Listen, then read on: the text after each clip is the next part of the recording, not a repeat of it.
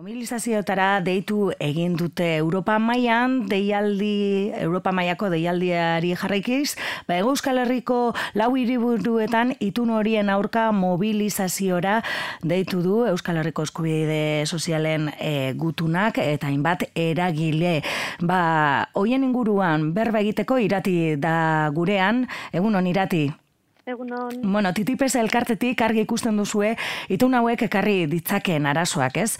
Batez ere, estatu eta herritarren gainetik eginiko tratatu bat de, delako uste duzu, ez?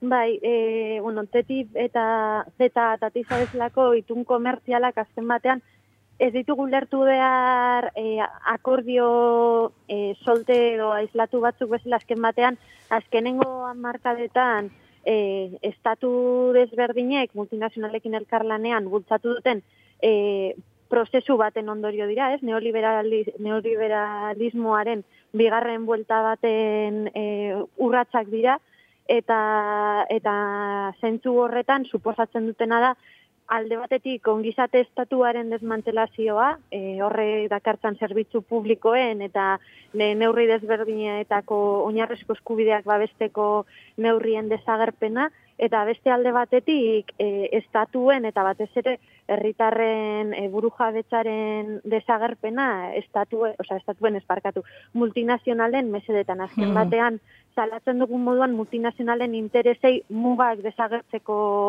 e, itun batzuk dira. Bai, ez, ez jakintasuna handitik, e, ba, ba, ez ekonomiaz eta eta beste kontu askotaz ematen du, ez kanpotik, ba hori ez, i, e, ateak irekitzen zaizkiola, e, ba, bai Kanada edo Amerikako estatu batuetako edo zein multinazionaleri, ez, e, horrela, ez, gure imaginarioan.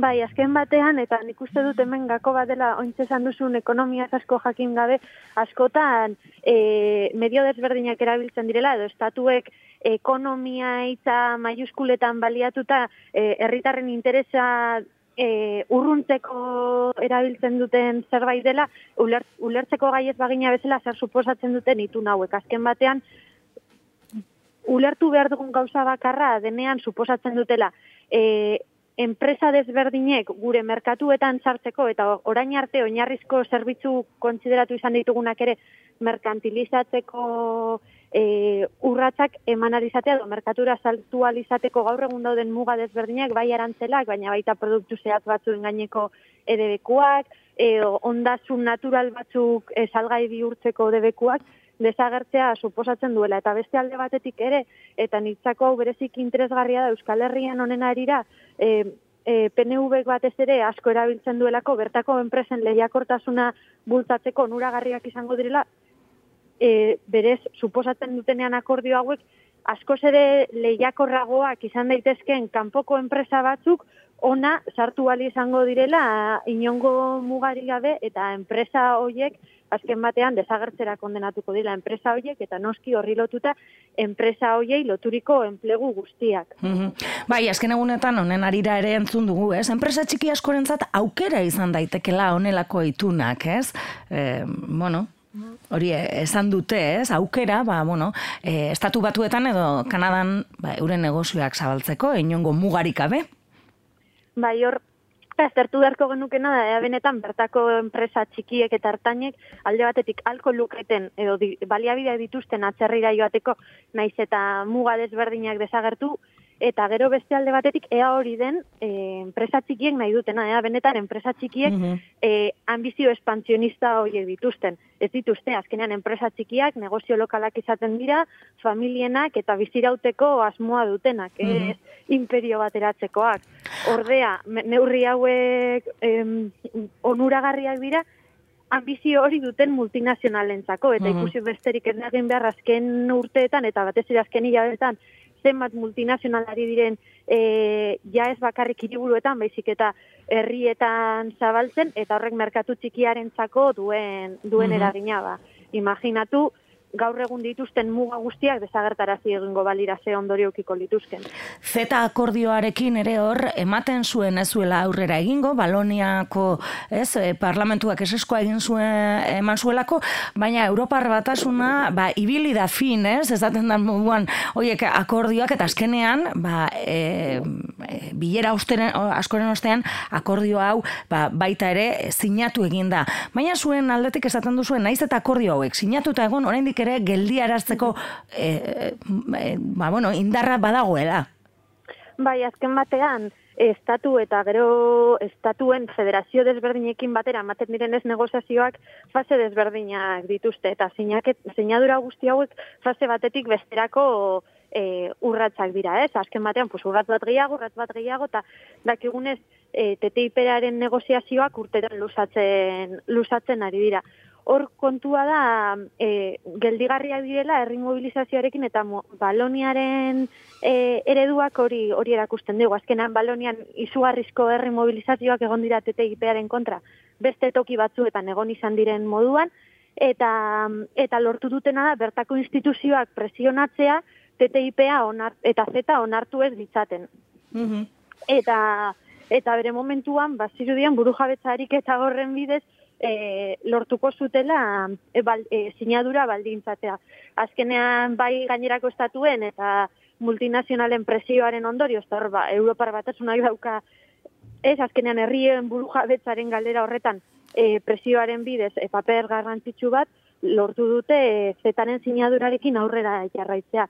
Baina, baina guri ere du horrek balio digu erakusteko mobilizatzen jarraitu behar dugula geldigarria delako eta gelditu behar dugulako. Azkenean ez gelditzeak epela burrean gaur egun izugarrizko ondorioak edukiko lituzkelako. Mm asko, askotan aipatu izan da, ez? E, gainera itu honek, e, bueno, e, e, negoziatu dituzten baldintzak, e, eskutuan negoziatu direla, inongo transparentziarik gabe, irru, oso urrun, e, Europar Parlamentuan e, dauden agintari asko ere inolako informazioari e, jaso gabe, e, horrek ere asko esaten du, ez? Mesfidatu izateko e, olako itun baten aurrean.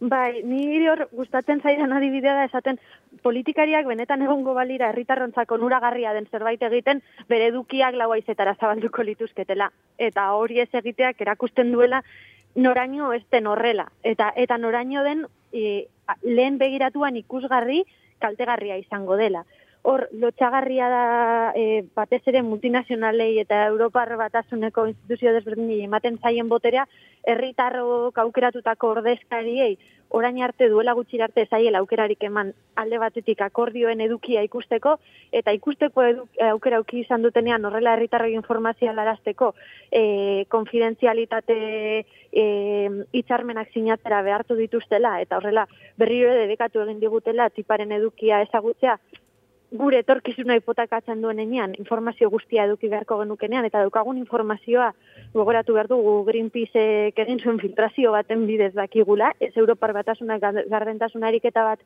egin duelako, eta beste alde batetik, ez eztabaida soziala guztiz baldintzatzen duelako, ez? Azkenean kontra daudenek zetxarra den bakarrik esan dezakete, eta alde daudenek onuragarria izate, esango dela esatearekin mhm. nahikoa dute, eta horrekin fidatu, fidatu behar gara azkenean, azkenean dena da, inposaketa sekretu bat. Bueno, ba, Europan egongo diren e, ikusi behar zer gertatzen dan, ez? E, igandean e, sinatuko da eta Bruselan Europar batasunaren eta Kanadenan arteko zeta merkataritza itun hori, baina, bueno, ba, aurretik e, esan bezala larun batean Europan eta e, baita ere ego Euskal Herriko hiriburuetan ba, e, horren aurkako protesta deitu dituzue, eta suposatzen dut deialdi egin nahi duzuela jendea kalera ateratzeko, ez? Bai, noski hor lehen aipatu bezala mobilizazioa izugarri garrantzitsua da, ezinbestekoa da, eta eta sinestu egin behar dugu gaitasuna daukagula TTIP aztiza eta zeta gelditzeko, gure eskubidea dela e, onarrez daitezen erabakitze azken batean gu garelako buru jabetza horren sujetuak, eta ez estatuen ordezkari bat, ordezkari batzuk, eta ere gutxiago multinazionalak, interes pribatu erantzuten dieten multinazionalak, eta asko dela jokoan dagona ez hitzarmen hauek, hauekin bakarrik, azken batean esan bezala prozesu oso bati erantzuten diotelako, baina hitzarmen hauek kolpe baten guretzako eta gure ongizaterako, gure bizitza duina bermatu alizateko gaur, gaur arte oinarrizko e, eskubide eta baliabide e, kontsideratu ditugun gauza askoren amaiera suposatzen dutelako, suposatzen dutena izango da oso epelaburrean, bai gure esklabutzan, menpeko sujetu bi, e, bilakatzea eta gure osasunaren eta eta bai, gure osasunaren eta eta orain arte bizikalitate minimo kontsideratu izan ditugun gauza askoren desagerpena, eta beraz, orain dela momentua hori gelditzeko. Mm Ba, gogora ekarriko dugu, Bilbon, bi itzordu daude, e, eguerdiko ama ordu batetan, uste dut, Ez, eh, amabietan, eh, unamuno plazan, zazpikaletan... Ordu batetan, ordu batetan. Ordu batetan, barkatu. Eh, zazpikaletan, eh, barna eh, ibiliko da mobilizazioa, eta ratzaldeko bostetan, ba, manifestazioa eliptika plazateik. Hoi, oiri, ba, bilboko deialdiei dagokionez. Esan bezala, mm. ego euskal herriko hiriburu guztietan izango dira. Ba, irati, mila esker gaur gurean egon izan agaitik.